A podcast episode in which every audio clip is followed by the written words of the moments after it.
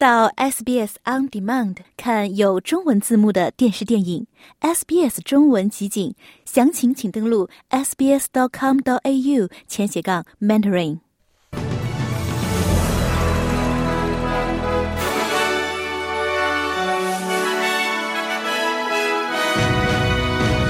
美国对伊拉克边境地区发动空袭。欧盟对以色列军事行动深表关切。霍巴特举行首夜活动悼念溺亡男子。一原住民少女有望成为澳洲最年轻飞行员。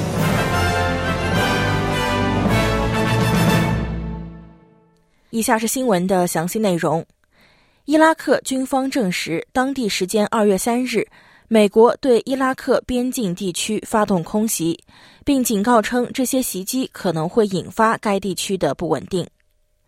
伊拉克总理发言人拉苏尔将军在社交媒体 X 上写道：“美国的空袭是对伊拉克主权的侵犯。”拉苏尔补充表示，袭击将给伊拉克和周边地区的安全和稳定带来灾难性的后果。美国于周五对叙利亚和伊拉克境内八十五个与伊朗有关的目标发动袭击，以回应上周日一月二十八日伊拉克无人机对美军约旦军事基地的袭击。袭击造成三名美军士兵死亡。与此同时，欧盟对以色列军队计划向拉法镇推进的报道深表关切。欧盟最高外交官博雷尔警告说，除非以色列在与哈马斯的战争中达成停火协议，否则冲突很可能会蔓延到整个地区。博雷尔表示，埃及边境附近约有一百万巴勒斯坦人逐渐流离失所。他说，以色列哈马斯冲突的最新升级。可能意味着对整个中东地区造成更大破坏。We are living a critical situation in the Middle East on the whole region. It's no longer just, and as far as the war in Gaza continues. 我们在中东和整个地区面临着危急的局势。只要加沙的战争还在持续，就很难相信红海局势会有所改善，因为事件有所相连，会产生多米诺骨牌效应。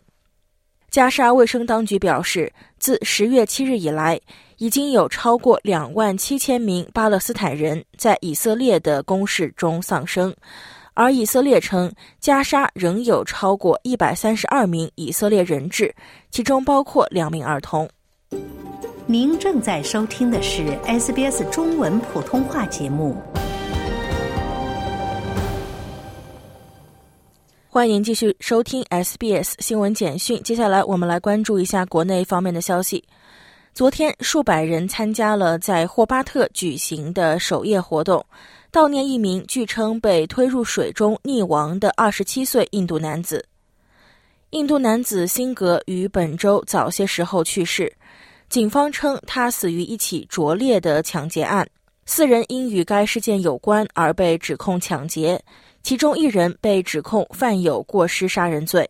除了公众守夜之外，警方还发起了一项筹款活动，以将辛格的遗体送回他在印度的家人身边。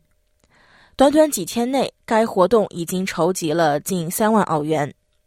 塔斯马尼亚警方探长戴维斯表示，这种暴力行为不会被容忍。Being together today is a reminder that we are. A kind and connected 今天的首页提醒我们，我们是一个善良、团结的社区，这里容不得暴力。我们将继续共同努力，使我们的社区成为一个安全的地方。北领地一名原住民少女即将成为澳大利亚最年轻的获得飞行员执照的人之一。蓝鲸今年十七岁，去年高中毕业。当时他正在接受澳洲航空飞行员学院的选拔过程。今年他将在位于图文巴的航空公司学院学习，接受为期五十五周的培训，为将来从事商业航空工作做好准备。达尔文飞行培训中心的布莱特表示，他从未培训过如此年轻的学员。She's probably the youngest one I've dealt with in my short time instructing. 他可能是我在短时间内接触过的最年轻的学员，一切都很好。他的着陆、起飞，他所有的操作都很不错。我们将继续努力完善一些小的细节，以便他能够继续单飞。根据航空公司的数据，全球商业飞行员中女性仅占百分之五。来关注一下国际货币市场。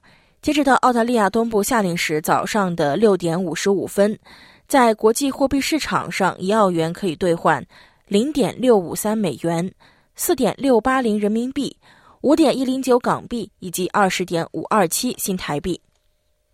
在新闻节目最后，再来看一下全国各主要城市今天的天气情况。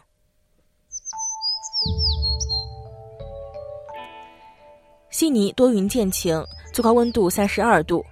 墨尔本晴，最高温度三十七度；布里斯班多云见晴，最高温度三十二度；堪培拉晴间多云，最高温度三十五度；阿德莱德晴，最高温度三十六度；珀斯多云见晴，最高温度二十七度；达尔文可能有阵雨，最高温度三十二度；霍巴特阵雨，最高温度二十二度。